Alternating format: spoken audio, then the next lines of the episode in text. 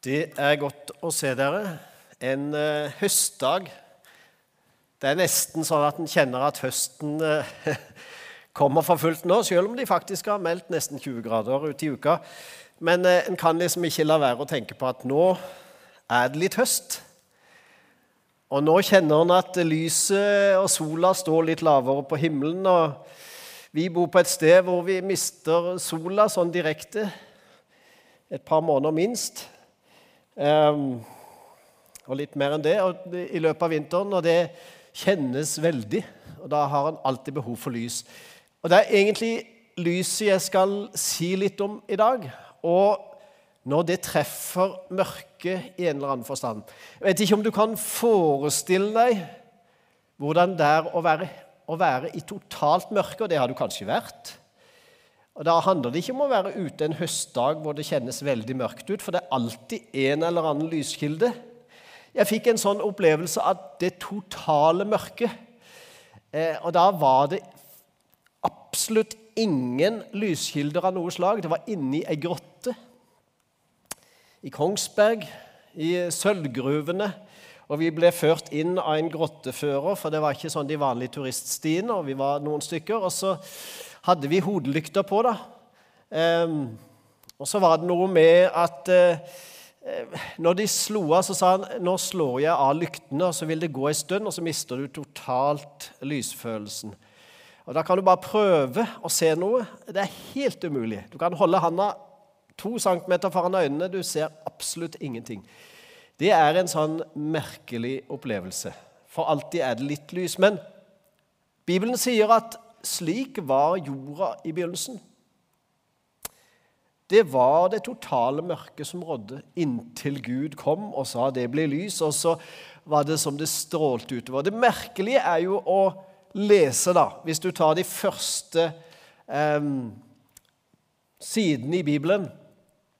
Så er det jo merkelig å lese at eh, det var eh, Jorda var der.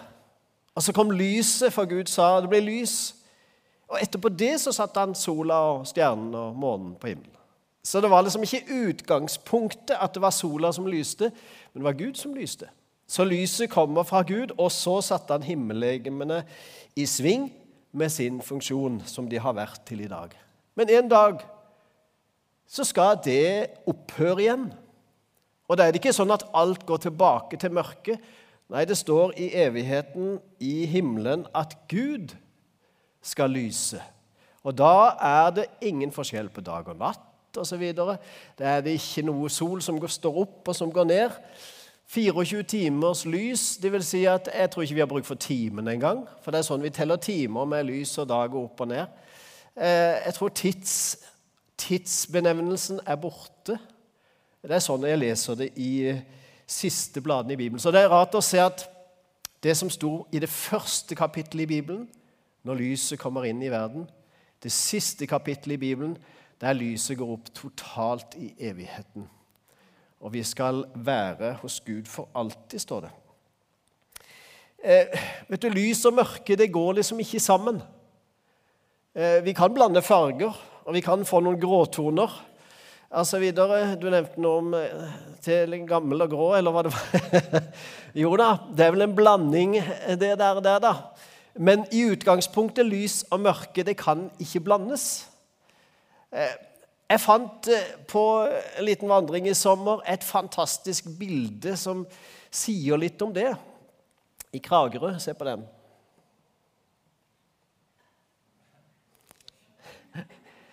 Jeg tenker jo at Kragerø kommune var litt uheldig med plasseringen av sitt oppvekst- og familiekontor.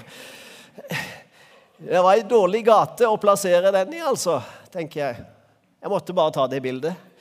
Og Det er ikke noe lagd bilde, altså. Det, er, det, var helt ekte. Og jeg, jeg tok meg en tur inn i det smauet der. Det var virkelig et smau, altså. Det var liksom trangt, og det var innover. Nå var det midt på dagen, så det var ingen eh, skumle typer å se. Eh, og det har kanskje sin historie at det kalles Knivstikkersmauet. Eh, og så har de lagt noe så som bør være holdt på å si, fullt av trygghet som familie og, og eh, oppvekst i det. Og det, det, det, fikk meg til å tenke på kontrastene igjen. Det går på en måte ikke an å blande det der. Det går ikke an å blande oppvekst og familie som skal ha en trygg ramme, med et skummelt sted. Eh, og så ble det litt karikatur for meg, det, det bildet som jeg måtte ta da. Men eh, det er egentlig forskjellen på lys og mørke, sånn rent praktisk i vår hverdag. Men la oss gå til teksten som vi skal bruke disse tre søndagene som kommer. Eh, inkludert i dag, da. Og Det er fra 1. Johannes brev, kapittel 1, fra vers 5 og til vers 10. Og la oss lese den. og Jeg tror vi skal gjennomgå den hver søndag, og så tar vi ut eh, noen sannheter fra det. Og det jeg har gula ut litt sånn, det skal jeg prøve å ta tak i i dag. Og Der står det sånn Dette er budskapet vi har hørt fra Han og forkynner for dere. Gud er lys, og det finnes ikke mørke i Han. Sier vi at vi har fellesskap med Han, men vandrer i mørket, da lyver vi og følger ikke sannheten. Men dersom vi vandrer i lyset, slik Han selv er i lyset, da har vi fellesskap med hverandre, og blodet fra Jesus, Hans sønn, renser oss for all synd. Sier vi at vi ikke har synd, da bedrar vi oss sjøl, og sannheten er ikke i oss. Men dersom vi bekjenner våre synder, er Han trofast og rettferdig, så Han tilgir oss syndene og renser oss for all urett. Sier vi at vi ikke har syndet, gjør vi Han til en løgner, og Hans ord er ikke i oss. Og I disse fem versene så skal vi prøve å gripe noe rundt det som har med lys og mørke å gjøre. Jeg håper at du greier å se noe av kontrastene som er så viktige å få tak i. Den første livsløgnen som det står om her, det er sammenblandingen. Altså når vi blander alt, sant og urett og lys og mørke. Vet dere Det symbolet der kan kanskje noen navnet på. Yin og yang.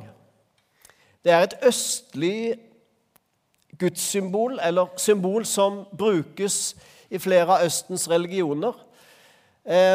Og det er et bilde på Gud der Gud er både mørk og lys, ond og god og du ikke helt vet når han er hva. Altså så må du tilfredsstille Gud, for ellers så kan du møte den vonde sida av han. Og Hvis du lever bra og oppfyller alle lover og regler, så møter du den lyse. Dette blanda gudsbildet som egentlig kan skape både skrekk og spørsmål og usikkerhet og utrygghet. Det er en livsløgn, sier Bibelen. Slik er ikke vår Gud. Teksten i dag sier at da lyver vi. Gud er lys, det finnes ikke mørke i Han. Sier vi at vi har fellesskap med Han, men vandrer i mørket, da lyver vi og følger ikke sannheten. Det vil si, det går ikke an å ha fellesskap med Gud hvis vi bevisst vandrer i mørket og sier at alt er greit, vi blander det i hop, og så går det så bra som det kan. Nei, det går det ikke, sier Bibelen. Vi kan ikke ha fellesskap med Gud hvis vi bevisst vandrer i mørket og ikke egentlig lever slik som Han leder oss. Og Så vil ikke det si at om vi ikke får det til, ja, så går det galt. Nei, Gud er nådig, og han tilgir oss gjerne, han. Det sa teksten mye om når vi kommer litt lenger ned. Men livsløgn nummer én, altså sammenblandingen, er en livsløgn. Gud er ikke både lys og mørk. Han er lys. I Det gamle testamentet står det veldig tydelig i en liten setning Gud er lys. Fra Han kommer lyset. Fra Han kommer alle lysets krefter. Det sier noe om at evigheten, når det beskrives av den samme Johannes som vi leste om fra i teksten i dag, 1. Johannes brev, han skriver Johannes' åpenbaring, dvs. Si syner han hatt om det som kommer. Der sier han altså at i himmelen, der er det bare lys. På grunn av at Gud er konstant til stede der. Første livsløgn sammenblandingen. Livsløgn nummer to selvbedraget, da. Ja, Du kan ha noen sånn synsbedrag av og til. Eh, jeg har vært til stede på eh, Ikke nødvendigvis med magikere eller noen tryllekunstnere, og sånn, men, men eh, som, som, gjør noe med øynene når vi ser på en ting, og plutselig så får vi et helt annet bilde. Jeg vet ikke om du har vært til stede når noen holder en sånn, sånn eh, runding opp foran ansiktet sitt som snurrer, og som, eh, som sånn går innover hele tida. Og Så ser du lenge på den, og så tar de vekk. Plutselig så gjør den med øynene. Du blir på en måte bedratt. For virkeligheten har jo ikke forandra seg. Det er bare vi som ser litt annerledes en liten stund til øynene får tilpasse seg igjen. Altså et selvbedrag, da. Noe vi bedrar oss med, som vi tror er der, men som ikke er der. Det er livsløgn nummer to. Og hvordan er den, da? Ja eh, det står at det fører til ruin. Ehm, vi ser ikke vårt mørke. Vi sier at alt er bra, og så er det ikke bra. Vi sier at det har ingen betydning. Vi, eh, vi lever eh, som vi skal, og alt er greit. Sier vi at vi ikke har synd, da bedrar vi oss sjøl, står det. Og sannheten er ikke i oss. Synd, ja. Skal du bort i det begrepet igjen? Jeg skal tale om litt av det. Det er ikke hovedtemaet i dag, altså. Men det var en som sa det sånn Synd, er det farlig å snakke om? Nei, er absolutt ikke. Det er vel noe som vi har alle sammen. Og er det noe som vi har alle sammen, så må det være greit å prate om. Er ikke det? Men sier vi at vi ikke har det, så bedrar vi oss sjøl. Da er vi utenom sannheten.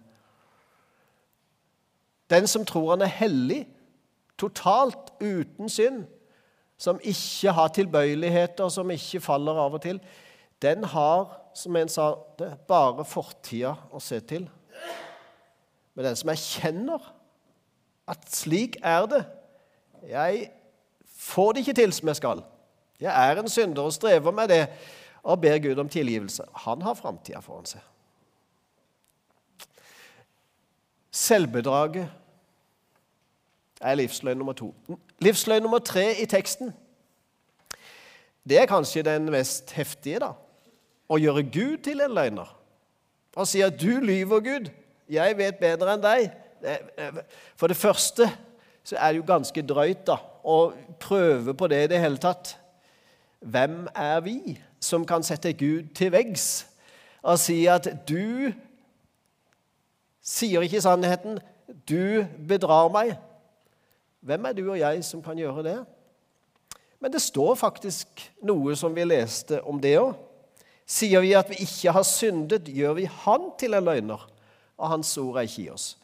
Det å gjøre Gud til en løgner, da tenker jeg det er alvorlig. Det vil jeg ikke prøve på et sekund, altså. Å prøve å gjøre Gud til en løgner. Det er klart at hvis vi sier at hvem har ansvaret for alt som skjer i verden? Hvis vi sier at ja, Gud har ansvar for alt som skjer, alt, ja, da får vi problemer med vår gudsbilde. Hvis vi ikke samtidig aksepterer at det fins en ond makt og Gud. For Gud er lys, og Gud er en god Gud. Så disse tre livsløgnene, de som eh, har med løgn og ansvarsfraskrivelse å gjøre, de som har med selvbedrag, og de som har med å gjøre faktisk Gud til en løgner, kommer Johannes med og sier at dette er viktige ting. At vi ikke havner i de grøftene der. Har vi aldri gjort en bommert? Jo, det har vi. Og hvis vi sier nei, så eh, tror jeg ikke på deg. Sånn kjenner vi òg godt nok sjøl. Men hva skjer da når Guds lys begynner å trenge ned i våre dyp. La oss se litt på det. Etter til og med norsk mytologi, norsk eh, eventyrverden, Asbjørnsen og Moe, som samla de i stort Til og med der finner vi kampen mellom det onde og det gode, mellom lys og mørke. Hva skjer med trollet når det kommer ut i lyset? Det sprekker eller blir forsteina. Det tåler ikke lys, rett og slett. Troll som er i norsk mytologi eh, linka til det skumle, det onde, det uberegnelige, det farlige, det tåler rett og slett ikke lysets kraft. Så til og med i norsk gammel mytologi, norsk eventyr, fantasiverden, så finner vi denne kampen her. Og Så har de valgt å sette den historien på det, og jeg syns den treffer ikke så verst. Men Bibelen har jo mye mer å si enn, om, enn norsk mytologi har å si, da. Eh, vi trenger av og til noen trygge rammer for oss. Eh, der vi åpner oss og lar lyset slippe inn. Og hvis vi skal la lyset slippe inn i vår sjel eller i vårt indre, i vår indre verden, for den er det ikke så ofte vi åpner oss for, eh, og i hvert fall ikke for hvem som helst, så trenger vi en trygghet rundt det. Jeg har vært på sjelesorgskurser så skal jeg ikke si et ord om hva vi sa der. Men der vi skapte en så trygg gruppe av fire-fem mennesker sammen at når vi hadde vært der i bortimot en helg, og når tryggheten var maksimal, og at vi kunne stole på hverandre fullt og helt Og vi da begynner å åpne hjertet for hverandre Da kan hva som helst komme. Men da tåler den situasjonen at vi åpner oss og lar lyset komme inn i oss. Jeg må jo si det, Jeg har opplevd eh, noen menn veldig tøffe når de begynner på et sånt kurs. De har vågd seg på et eh, sånt kurs da, eh, langt borte, og så sier de når de kommer i grupper Jeg har vært gruppeleder mange ganger. Og så sier de ja, men jeg, jeg har ikke noe å bearbeide. Nei, det er ikke noe problem. Jeg vil bare lære å lytte av andre. Så tenker jeg ja, bare vent. Og så er det ikke noe hokus pokus i det. Men i løpet av kurset Det har aldri slått feil. Tro meg på det. Aldri, jeg har aldri opplevd annet. Det ender i en dam av tårer på gulvet. De sterkeste menn. Alle har et indre liv å åpne og bekjenne og bearbeide hvis de får gjøre det innen trygge rammer. Og Når Guds lys lyser inn, da kan hva som helst skje. Hva som helst av gode prosesser skje. Da er det godt å være i nærheten av noen som har vært der før, og som kjenner på tryggheten innenfor Gud. Kanskje vi døyver behovet for å gå i dypet på oss. Ja, det tror jeg ofte. Vi liksom orker ikke det jobben å ta, ta opp vårt indre på ordentlig. Og jeg skal ikke være noen til å kritisere det. Det kan være tøft arbeid å bearbeide vanskelige ting. Um, men av og til så døyver vi det med masse jobb, eh, masse aktivitet, eh, masse bruk av ressurser osv.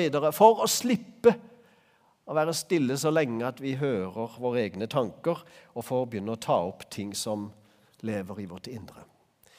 Jeg vil utfordre deg og oppfordre deg til å åpne ditt hjerte som et symbol da, på det som Gud vil ikke bare avsløre, men lyse inn i og holdt på å si, gjøre helt, gjøre godt igjen.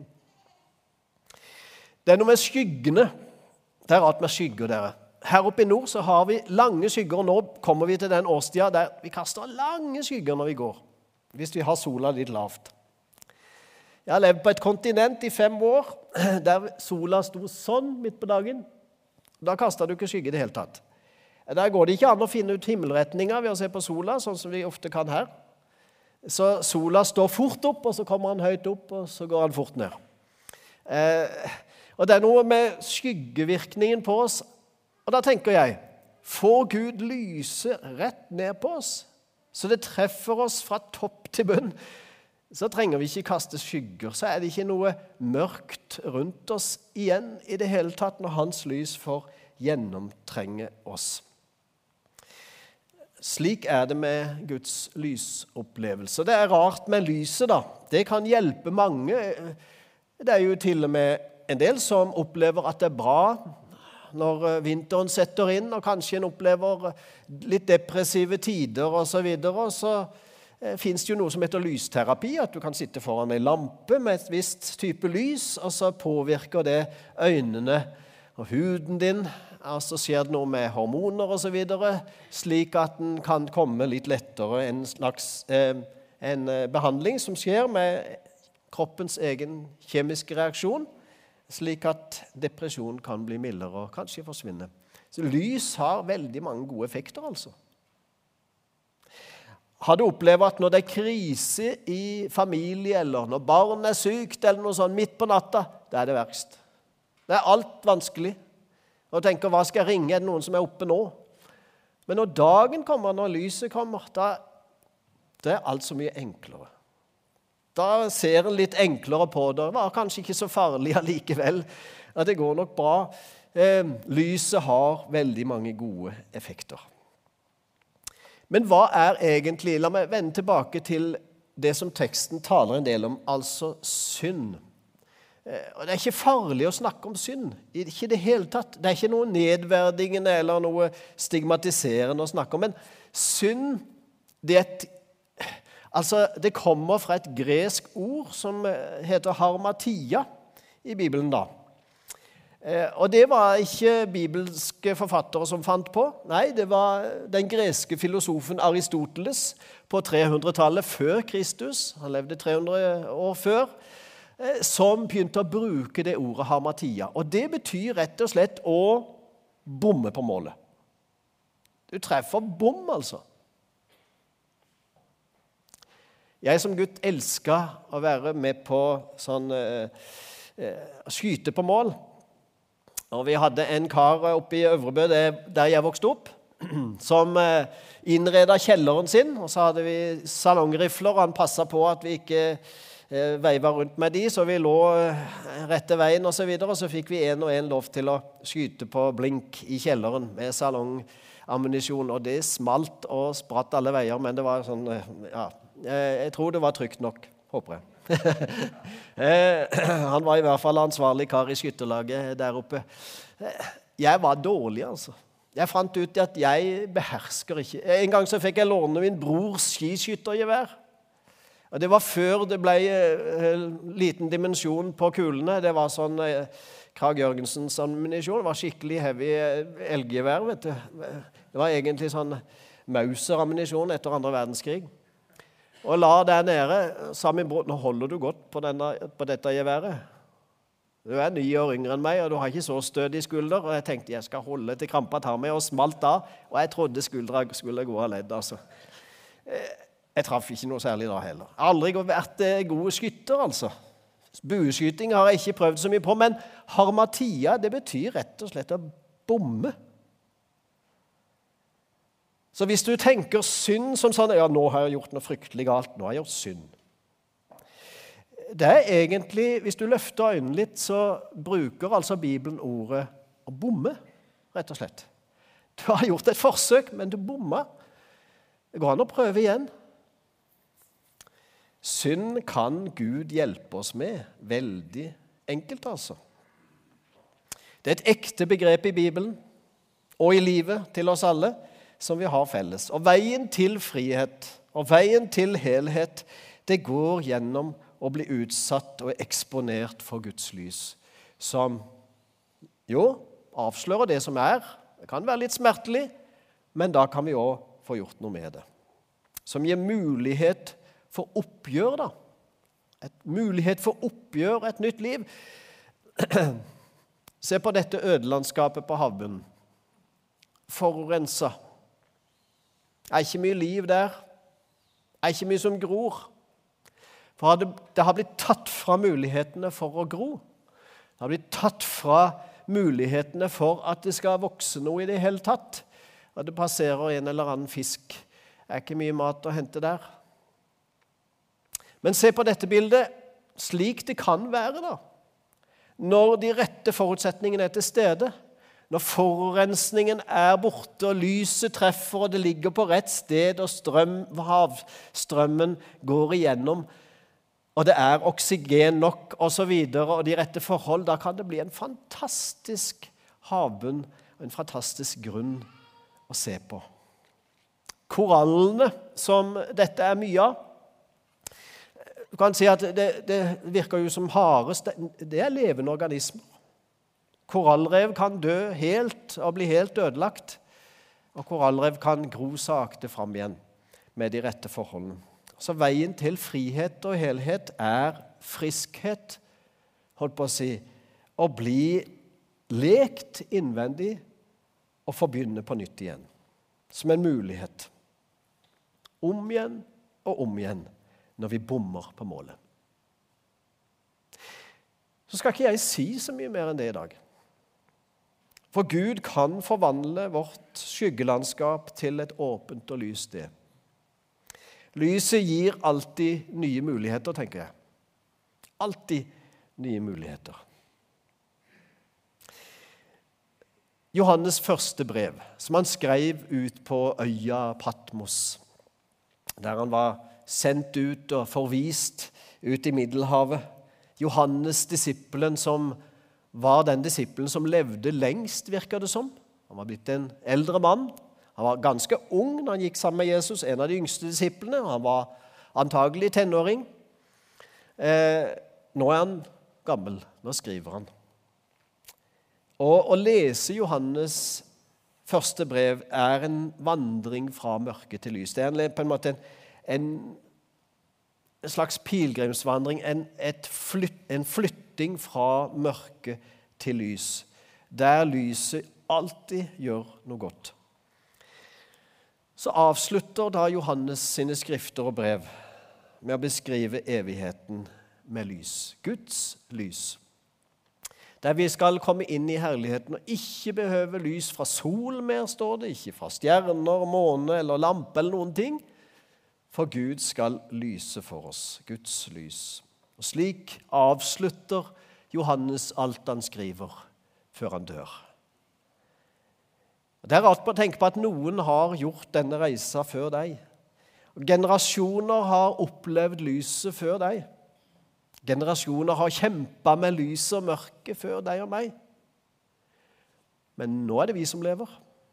Nå er det vi som får tilbud og får muligheten til å gjøre opp og la lyset slippe inn i oss. Jeg vil si det. Kjemper du med ting, la noen få skape trygghet rundt deg, slik at du kan få la lyset skinne inn i det, uansett hva det måtte være. Guds lys er alltid godt.